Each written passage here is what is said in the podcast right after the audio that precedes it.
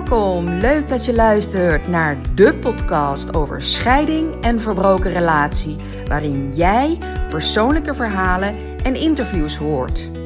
Uitdagingen, moeilijke situaties, wat doet het met de kinderen? Een kijkje in iemands proces, alles waar je tegenaan kan lopen. Ik deel het graag. Hoe pak jij je leven weer op na een relatiebreuk? Hoe kijk je weer positief de toekomst in? Hoe kan je met eenvoudige stappen houvast krijgen? Rust, vertrouwen. Dat is waar het mee begint. Ik heb er heel veel zin in.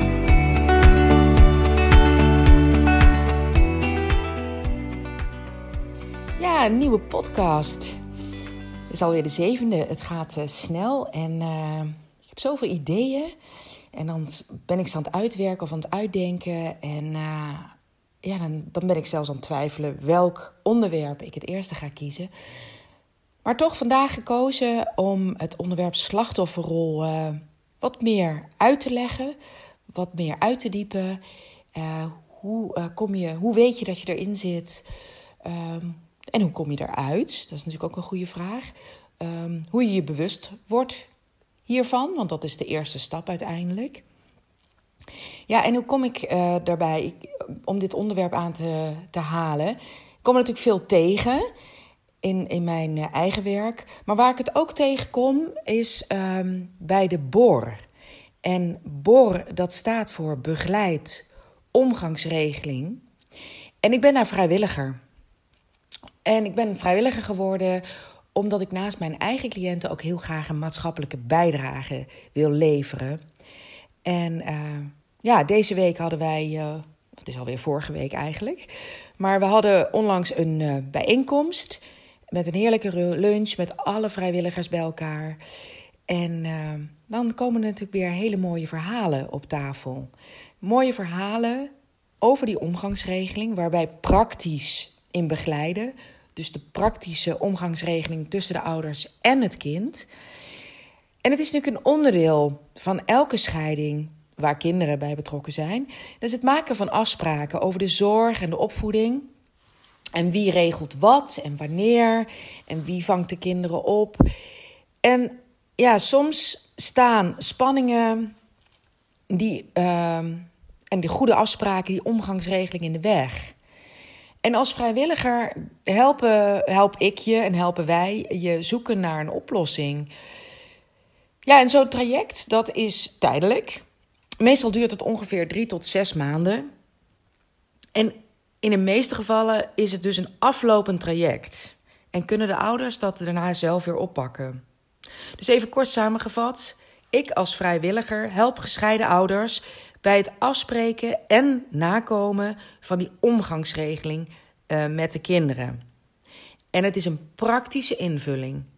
Dus ik help ouders de kinderen letterlijk van het een naar het andere adres te brengen, kan het zijn, maar ook in overleg te gaan hoe je dat zou kunnen invullen. Zodat iedereen daar een goed gevoel bij heeft en zodat de kinderen ruimte krijgen en de vrijheid hebben om beide ouders te kunnen zien. Want dat is zo ontzettend belangrijk. Dus alles is erop gericht om het contact uh, met de kinderen te houden voor beide ouders. Dus dat die kinderen beide ouders blijven zien.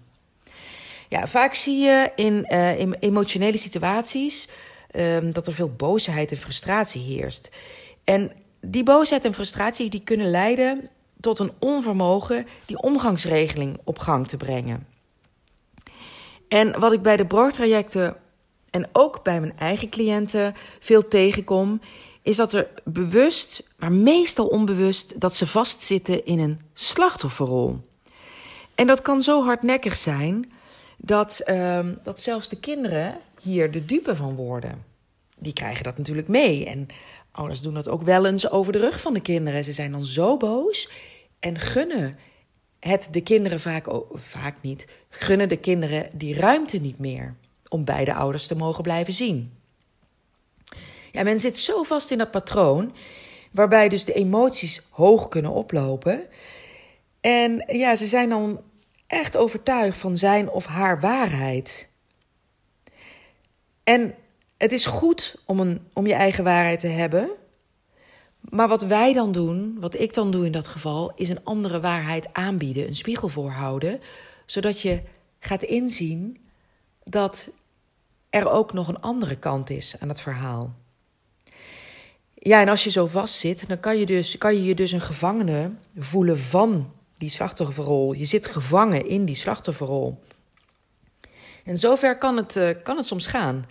Het gevoel helemaal vast te zitten en te geloven in jouw waarheid. Jouw gedrag en soms vaak ook de acties, die worden goed gepraat. Door jezelf. En soms ook door je omgeving, die met jou meepraten. Want jij kan er immers niets aan doen. Dat deze situatie zo gelopen is, dat het zo gelopen is. Want door hem of haar is het zover gekomen. Moet jij het helemaal alleen, alleen doen en ga zo maar door. En ja, hoe langer je blijft zitten, hoe lastiger het is je bewust te worden en open te staan voor een andere kijk op de situatie.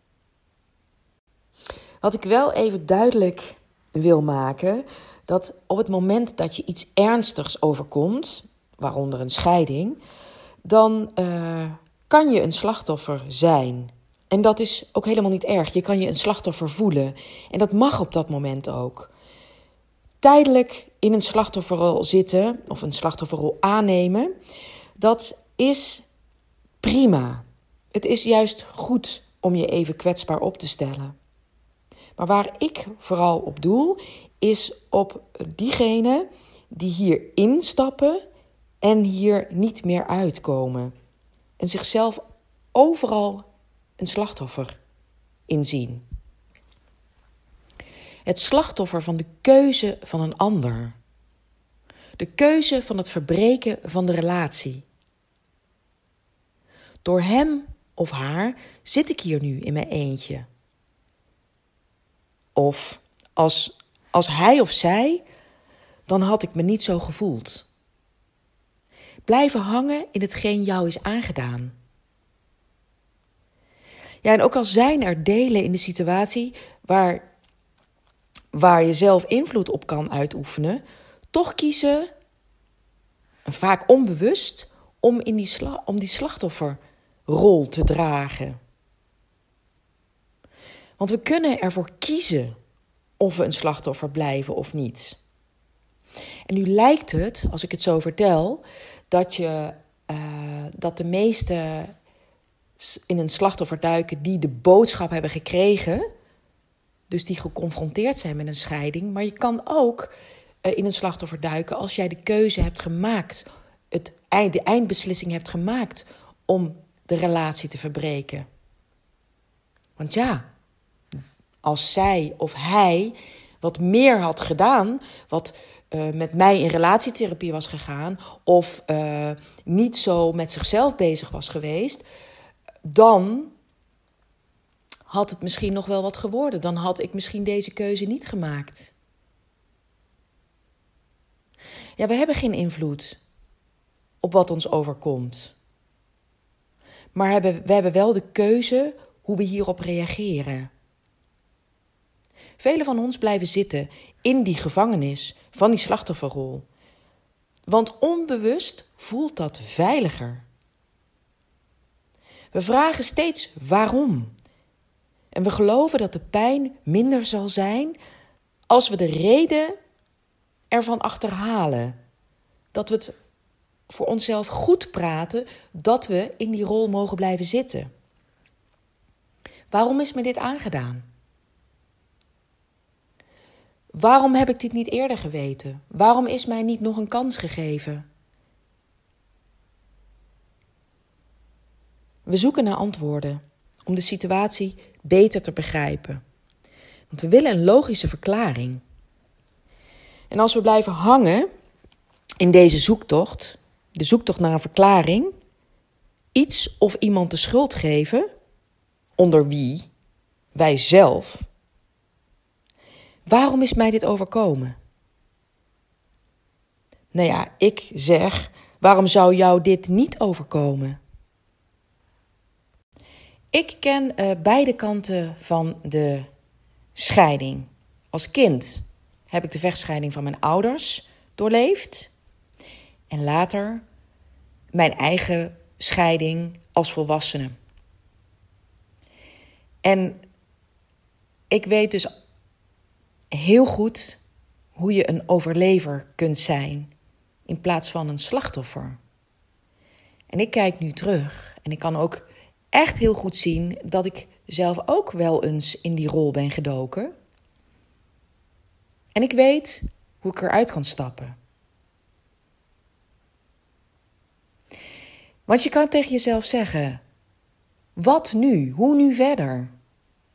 Wat kan ik hier aan veranderen? In plaats van waarom ik? Waarom moet mij dit nou overkomen? En niet op zoek naar iets of iemand die je de schuld kan geven. Of op zoek naar iemand die je kan redden. In plaats, van, in plaats daarvan ga je kijken naar de keuzes en mogelijkheden die je hebt. Mensen die in een slachtofferrol zitten of een slachtofferrol aannemen, onttrekken zich aan hun verantwoordelijkheid. Want er zijn echt wel dingen die ze kunnen veranderen. En er is echt wel een stuk, een deel, waar ze iets aan kunnen doen. En vrijheid heeft een prijs. We zijn verantwoordelijk voor ons eigen gedrag. We kunnen zelfs de verantwoordelijkheid op ons nemen. In situaties die we niet zelf hebben veroorzaakt of waar we niet bewust voor hebben gekozen. Ja, leer hoe je moet leven. In een leven welke jij zelf creëert. Ik had laatst een voorbeeld. Een cliënte vertelde me. Zij zat, uh, zij zat niets vermoedend uh, op de bank. Uh, een filmpje te kijken. En totaal onverwachts kreeg zij de boodschap dat haar partner van haar wilde scheiden. Ze was zich helemaal niet op voorbereid, totaal overdonderd. Gekwetst voelde ze zich en verraad. En ze zakte weg in haar wereld. Het was een klap in haar gezicht. Haar zelfvertrouwen zakte tot een dieptepunt. En ze zei dat ze zeker wist dat het, dat het stuk verraad en die boosheid, zo aan de kant te zijn gezet, nooit meer weg zal gaan. En dat verraad en die boosheid, dat werd zo ernstig dat het omsloeg in wraak. En ongemerkt voelden de kinderen door haar boosheid naar haar ex niet meer de ruimte om positief te zijn eh, over hun vader. Uh, ook zelfs niet meer dat ze wilde gaan. Haar kinderen waren al wat ouder en gingen met, uh, met haar meepraten. En uiteindelijk werd het voor die kinderen ook een bepaalde manier van waarheid. Je hebt soms niet in de gaten wat jouw gedrag, jouw manier van leven, de manier hoe jij in die slachtofferrol, eh, slachtofferrol zit, sorry, wat dat teweeg kan brengen. Er ontstaat soms een loyaliteitsconflict bij de kinderen. En op het moment dat ik dat voorhoud, komt er duidelijkheid. Want je weet het soms zelf ook niet meer. En je denkt inderdaad, het gaat nooit meer weg. Ik gaf haar aan dat ze dat op dit moment waarschijnlijk niet zal geloven. Maar dat ik zeker weet, dat ik erin geloof, omdat ik dat natuurlijk om me heen zie en mijn eigen ervaring heb, dat dat zeker wel gaat gebeuren. Maar je moet het wel zelf willen. Dan kan je het. Ja, zorgen om financiën. Wat doet hij de kinderen aan? Elke keer wegzakken in die rol. Dus die slachtofferrol van de keuze van een ander. En hoe langer je hierin blijft hangen, hoe lastiger het wordt eruit te komen. Want het wordt een deel van je identiteit. Vroeg of laat kan jij hier uitstappen, maar als je dat maar wilt. Een slachtofferrol, een slachtoffer is destructief. Het is niet nodig om langer in deze rol te blijven zitten. Of er nog verder en dieper in te duiken. Want het helpt je geen meter verder. Het verandert niets. Sterker nog, het weerhoudt je je problemen op te lossen. Je onttrekt je van je verantwoordelijkheid door alle schuld buiten jezelf te leggen. Het kan soms best confronterend zijn als ik dit voorleg bij cliënten. Want ja, als ik, uh, als ik ervaar dat iemand in die rol zit, zal ik daar ook eerlijk over zijn. Ja, en dat kan wel eens lastig zijn. Maar wat ik zie, dat het in de meeste gevallen verhelderend is, omdat wat ik net al aangaf, het vaak onbewust is. En op het moment dat ik ze die spiegel voorhoud, hou, is het vaak een openbaring. En hebben ze weer een handvat van, ja, kijk, hier sta ik. En als ik dit aanpak, en als ik dit helder maak, en als ik dit erken, kan ik weer verder. Er zijn meerdere manieren van in een slachtofferrol zitten. Of je duikt jammerend weg in een hoekje, of je laat iedereen weten wat jou is aangedaan. Ja, er kunnen ook aanwijsbare redenen zijn hè, van, het in, van, van het in die rol kruipen. Eh, bijvoorbeeld de behoefte van aandacht. En dat kan iets zijn wat je vanuit je verleden meedraagt. Als een probleem is opgelost, vervalt de slachtofferrol. Dus vervalt ook die bijbehorende aandacht. Terwijl die persoon die aandacht juist zo nodig heeft. En vaak zie je dat er snel een nieuw probleem opduikt, waarvoor die aandacht weer gevraagd kan worden. Ja, het lastige is dus dat je vaak volledig onbewust, dat het onbewust gebeurt. En de uh, omschrijving chronische slachtofferrol, dat las ik laatst, dat vind ik eigenlijk wel een mooie term. En chronische slachtofferrol, dat is natuurlijk op het moment dat je er al lang in zit. Dat het probleem al lang duurt. Ja, niet voort, voortduurt. En um, in deze fase hebben mensen het helemaal niet in de gaten. Het voelt veilig om in deze rol te zitten. En uh, ja, het is, we doen wat we gewend zijn. En dat eruit stappen, dat is vaak doodeng. Want je moet buiten die, uit die comfortzone, uit die zogenaamd veilige zone.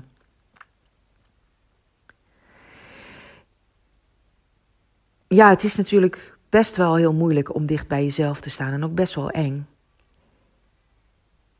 Maar neem die verantwoordelijkheid over jouw leven. En ga bekijken en ga schetsen hoe het eruit ziet als jij die verantwoordelijkheid pakt. Ja, dan denk je misschien van uh, oké, mooi gezegd, verantwoordelijkheid nemen over uh, mijn leven. Maar uh, waar begin ik dan? Hoe doe je dat? De eerste belangrijke stap is helderheid en bewustwording. Op het moment dat jij negatieve gedachten hebt, kan je jezelf een aantal vragen stellen. Neem daar dan ook de tijd voor en ben ook eerlijk naar jezelf. Waarom voel ik dit? En wat vertelt het me? Waar komt dit vandaan? Is het goed voor me? En wat doet het met me? Ja, is het goed voor me dat ik me zo vernederd voel en dat ik zo woest ben of boos ben?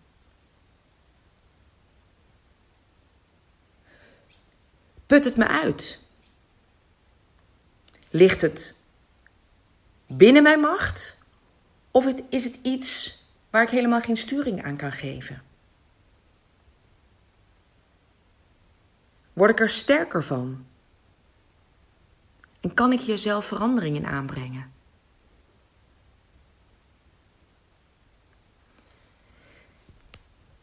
Ja, wat doet het met je? En met je omgeving? Met je kinderen die zien dat jij de verantwoordelijkheid neemt. Dat jij met beide benen op de grond gaat staan, beide voeten op de grond gaat staan. En keuzes gaat maken voor jezelf. En laat zien dat je jezelf dus niet kwijtraakt. Of verschuilt. En zo begrijpen en voelen ze dat ze jou ook nooit kwijtraken. Want je bent er voor jezelf. En voor hun. En zo geef je ze toestemming hun leven te leiden in plaats van dat zij zich zorgen maken over jou.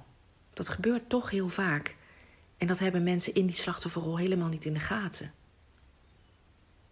En ik wil je het volgende vragen. Wat heb jij in die turbulente tijd die achter je ligt ontdekt? En deze vraag heb ik mezelf ook gesteld, een tijd geleden natuurlijk. Ik stelde mezelf deze vraag op het moment dat ik opstond en weigerde nog langer in mijn eigen slachtofferrol te blijven zitten. Wat heb ik ontdekt? Wat heb ik geleerd uit deze, van deze turbulente tijd? En ik leerde dat ik mijn best had gedaan. Heel erg zelfs. Ik had heel hard gewerkt. En dat ik kan vechten. En ik ontdekte een strijder in me. En ik stond op. En ik ging het anders doen. Ik ging anders kijken naar mijn gedachtegangen. Ik ging praten met mijn gedachtegangen. Ik leerde kracht en vrijheid te vinden en om te gaan met heftige omstandigheden. Dus niet te kijken naar de aard van de omstandigheden, maar hoe ik hiermee om kan gaan. Hoe ik hier sturing aan kan geven.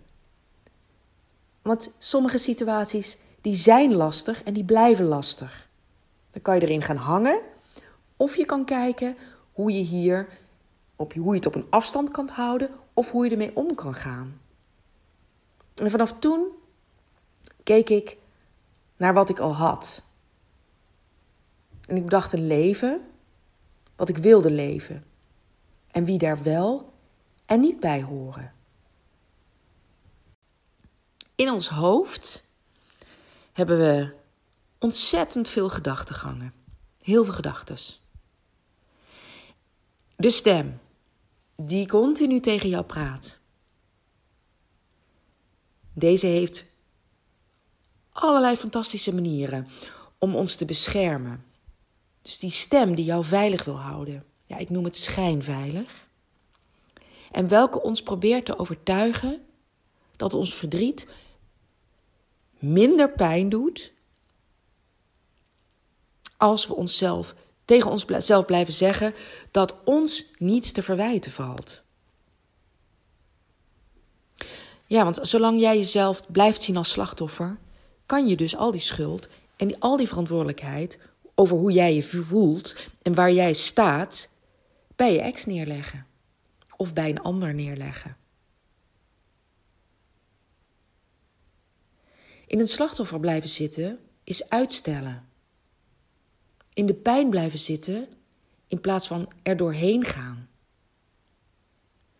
Deze rol gaat groei tegen. Of vertraagt, of vertraagt het. Hoe langer je hierin blijft zitten, hoe hardnekkiger het wordt eruit te stappen. Want je hoeft geen slachtoffer te zijn. Dat ben je ook niet. Het is iets wat jou is aangedaan, maar je bent het niet. Want je kan tegelijkertijd gekwetst en aansprakelijk zijn. Je kan tegelijkertijd onschuldig en verantwoordelijk zijn. Als je die zelf gecreëerde schijnvoordelen van de slachtofferrol opgeeft en ruimte maakt voor de voordelen van groeien en verder gaan, dan kan je die rol achter je laten. En kan je beginnen aan de rest van je leven. Ja, stel nou dat je door het luisteren van dit verhaal jezelf herkent in mijn verhaal, dan is die belangrijkste stap is eigenlijk al gezet. Herkennen en dan komt het erkennen. En durf eerlijk te zijn tegen jezelf, zonder oordeel. Want ja, jij kiest waarschijnlijk ook echt niet bewust voor deze rol. Maar ga eens oprecht naar jezelf en naar de situatie kijken. En ga eens inzien of jij in die slachtofferrol zit. Of jij voelt dat jij slachtoffer bent van de situatie. Doe het niet te snel. Het hoeft allemaal niet overhaast. Gun jezelf de tijd. En de ruimte om al deze voordelen van het slachtofferschap, die voordelen die jou een veilig gevoel geven, om die los te kunnen laten. En je zal anders naar jezelf gaan kijken, anders naar je omgeving. Je zal anders in het leven gaan staan en ook anders naar je ex kunnen kijken. Je zal zelfs gaan merken dat misschien je identiteit wel zal gaan gaat veranderen. En je mag jezelf hier de tijd voor geven. Het zal luchtiger voelen en je zal hierdoor gesterkt worden. Ja, het is mooi om uh, hierover met anderen te praten. Ik heb al een aantal live dagen heb ik, uh, georganiseerd. En um, daarbij uh, komen vrouwen in gesprek met elkaar in een groep, niet groter dan tien hoor. En dit soort patronen komen ook op tafel. En het is mooi hoe eerlijk en helder en de diepgang die er dan komt. Hè? En hoe eerlijk mensen hierover, vrouwen hierover vertellen. En ja, ik ben dus heel enthousiast over die groepsessies, over die live dagen. Waarbij uh, ik vrouwen uitnodig en vrouwen aanschuiven die het, het uh, scheidingsproces uh, doorlopen. En dus worstelen met, zo'n, met hun scheiding. Ze zitten er vaak middenin. De meesten hebben het formele deel afgerond. Of zijn er toch al wat langer uit, maar vinden het moeilijk om die eerste stap te zetten. Ik breng, ik breng ze bij elkaar. En wij praten. De beslisser. Of degene die geconfronteerd is met de breuk. En als je dit interessant vindt, kijk dan even op mijn website onder uh, live dagen. Of volg mij via Instagram, Cara Cares. En daar uh, kan je dus de informatie vinden die nodig is. En mag je je inschrijven. En je bent van harte welkom aan te schuiven bij mijn volgende live sessies die ik door uh, het hele land organiseer. De eerste live eh, dag zal zaterdag 6 november zijn bij mij thuis aan de tafel. En uh, dit is in Limburg, dat is wel even rijden, maar ik kan je wel vertellen dat het de moeite waard is.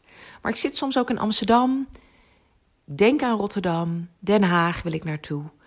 Maar er zijn nog geen data voor gepland.